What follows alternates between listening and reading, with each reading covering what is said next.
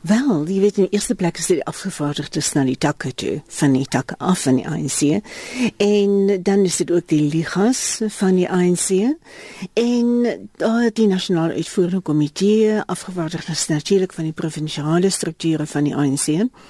En daar is ook altyd dis die mense wat stemme het en wat aan die besprekings oor die beleid deelneem. Daar's natuurlik vir al die openings en sluit afsluitingsseremonies dag gewoonlik allerlei groot gaste, diplomate mense en besigheidsmense. So dis 'n baie breë forum, maar dit is slegs die ANC se eie strukture wat in hierdie kommissies ingaan en aan die besprekings deelneem. Susan Roland Henwood van Tikkies het baie pertinent gesê dit is nie 'n leierskapskonferensie nie. Dis nie 'n leierskapsverkiesingskonferensie in daardie opsig nie. Nee, glad nie.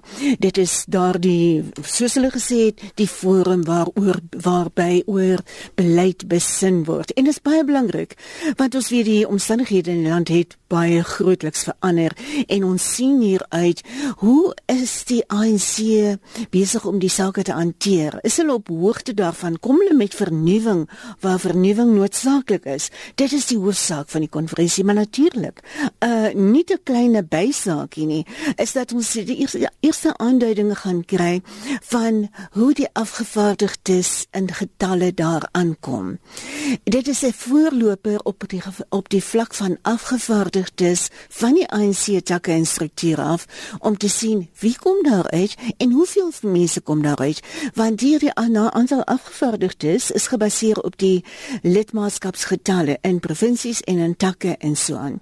En daar kan nog verandering wees in die lidmaatskapsgetalle van die ANC tot en met Desember in die volgende 6 maande soos wat ons ook 12 jaar gelede 5 jaar gelede in 2012 gesien het aan die aanloop tot Mangaung konferensie wat KwaZulu-Natal byvoorbeeld in die laaste paar maande voor die afgevaardigdes gefinaliseer is nog groot bykomende getalle lidmate gekry het en hulle verteenwoordiging op die leierskapsverkiesingskonferensie kon verhoog het. So hierdie is 'n een van die eerste groot belangrike aanduidings van hoe die afgevaardigdes gaan lyk en moontlik wat getalle wat die kanse gaan wees van groot leiersfigure.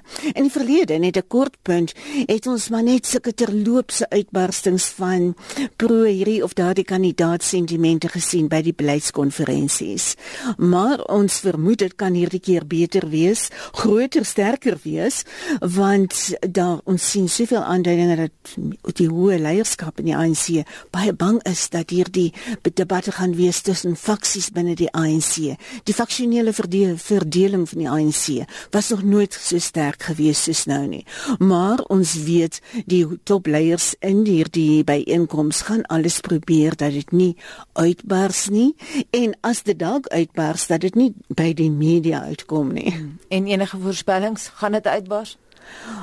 Gar ja, ja, ek vermoed daar gaan ernstige uitbrekings daarvan wees in debat ook. Weet jy, dis wat belang baie belangrik is vir 'n beleidskonferensie, want daar die vroeë Zuma faksie probeer baie erg om hulle self te vereenselwig met radikale ekonomiese transformasie. Ons sien dat almal in die ANC wel baie daaroor praat en dit dit Dit is dit is ook nie 'n nuwe beleid nie, maar ons sien nuwe klemverskuiwings en beklemtonings daarvan van inkomste soos wat ons nou die uh, die um die opwelling van beleid sien. Maar daar is nie veel wat nuut is daar aan nie, maar wat nie werklik nuut is nie, is dit wyse vir ons op belangrike gapings tussen politieke politieke werklikheid en die beleidsvoorstelle wat in hierdie dokumente is. Wat van die ANC se veterane en militêre veterane gaan hulle daar wees? Ek weet um, Die militêre federane is een van die formele strukture van die ANC. En hulle is daar soos die vroue liga en die jeugliga ook daar is en hulle het hulle afgevaardigdes daar. Die veterane in die wat ons sien in die vorm van die stalwarts, die 101 of 'n bietjie meer wat ernstig kapsie maak en 'n konsulterings by eenkoms in die ANC wou gehad het voor in 'n vir 'n paar dae voordat hierdie konferensie plaasvind of 'n afsonderlike konsultatiewe ver, uh, vergadering met die strukture van die ANC voor hierdie beleidskonferensie. Hulle is nie verteenwoordig daar nie. Hulle is nie 'n formele struktuur van die ANC nie, maar dit wel 'n groot stem daar buite.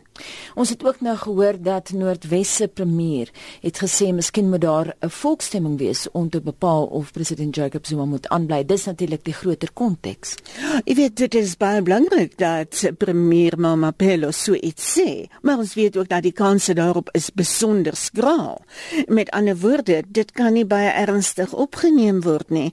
Dit is hoogs onwaarskynlik dat so iets gehou sou word en dit kan ook bloot 'n manier wees om te probeer om kritiek in die kiem te smoor en vir mense te sê bly stil julle op watter basis praat julle? Maar ons kyk ook na ander konteks waar ehm um, die agtergrond is dat die konstitusionele hof het nou beslis dat die spreker die mag het om te besluit of 'n stemming eh, in 'n mosie van wantrou in die geheim mag plaasvind of nie. So dis ook 'n konteks wat mens sekerlik in gedagte moet hou. Dit is 'n ontseglike belangrike konteks daarin, want ons weet ook dat die ANC baie sterk praat oor hulle oor die regeringsstrukture en hoe die ANC en die regeringsinstellings hulle taak uitrig. Daar is 'n hele besprekingsdokument daaroor. En en daar word besin oor die rol van die spreker of die in hierdie dokument of die of daar miskien een spreker vir albei huise van die parlement moet wees byvoorbeeld nê wat die magte is van die mense. En hoe meer ons na hierdie dokumente kyk hoe meer sien ons dat die ANC soos in al hulle dokumente werklik ook in daardie inregerings regeringsstrukture en die regeringskunde daarin hulle besef wat die probleme is hulle erken die probleme maar die oplossings wat hulle in hierdie dokumente voorstel. Mense sit baie keer in die hande en jou hare en wonder hoe kan enige iemand dink dat dit die probleem gaan oplos? Het jy enige praktiese voorbeeld?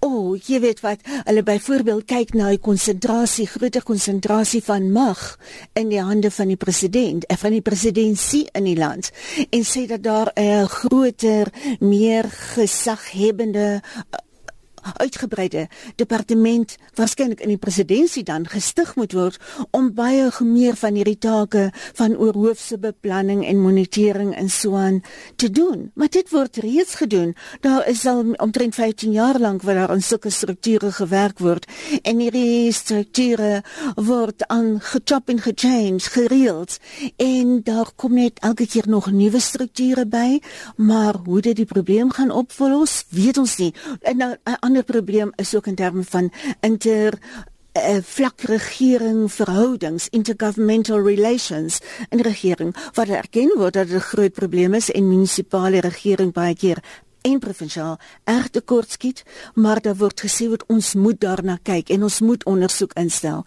En dit gaan nie betyds gebeur om die ANC uit hulle moeilikheid wat hulle huidigelik ervaar te red nie. Hoe werk dit op praktiese vlak as 'n beleidsdokument aanvaar word? Soos ek verstaan, is dit nog nie ANC beleid nie, al is dit aanvaar. Ja, jy weet en as jy dokumente aanvoer word, dan word ook resolusies voorgestel. Daar word 'n konferensieverslag uitgereik en daar word resolusies voorgestel wat dan saam met hierdie dokument, gewysigde dokument en alle waarskynlikheid dan beslis gaan na die hoogste beleids ne besluitnemende liggaam van die ANC en dit is die nasionale verkiesingskonferensies wat elke 5 jaar en hierdie jaar aan die einde van die jaar plaasvind. Hulle het die uiteindelike gesag daarbey. Maar dan vind ons ook baie van die beleidsvraagstukke word baie keer uitgestel werklik hmm. na die konferensie en die groot debatte wat daarop plaasvind of veronderstel is om plaasvind.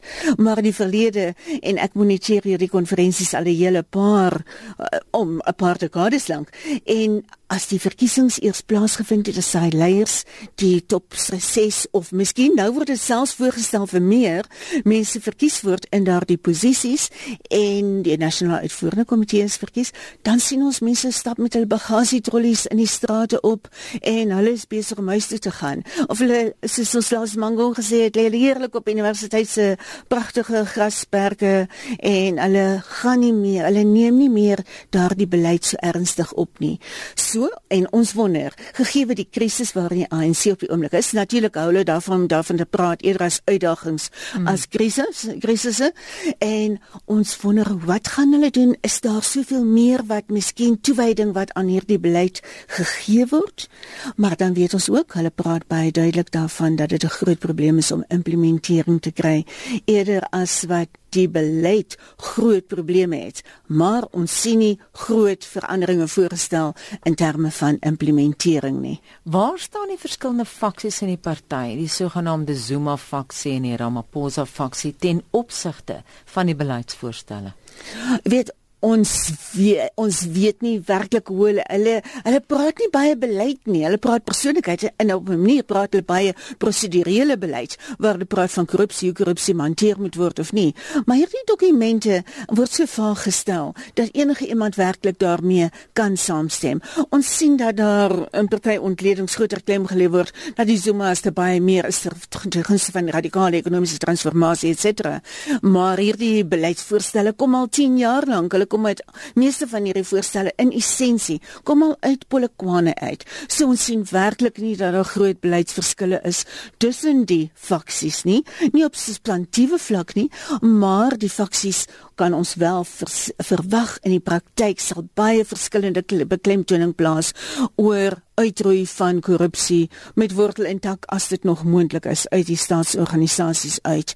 En ons verwag dat Ramaphosa of soortgelyke faksies waarskynlik baie meer klem daarop sal plaas waar is 'n baie sterker bewuswees aan aan daardie kant dat die toekoms van die ANC dat die ANC werklik een kansie het om hulle self te beredder en dit is om daadwerklik skoon te maak en ons sien sulke dokumente uitkom in die beleidsdokumente en die stellings daarvan. Natuurlik, die punt is wat word daarvan gemaak in die praktyk?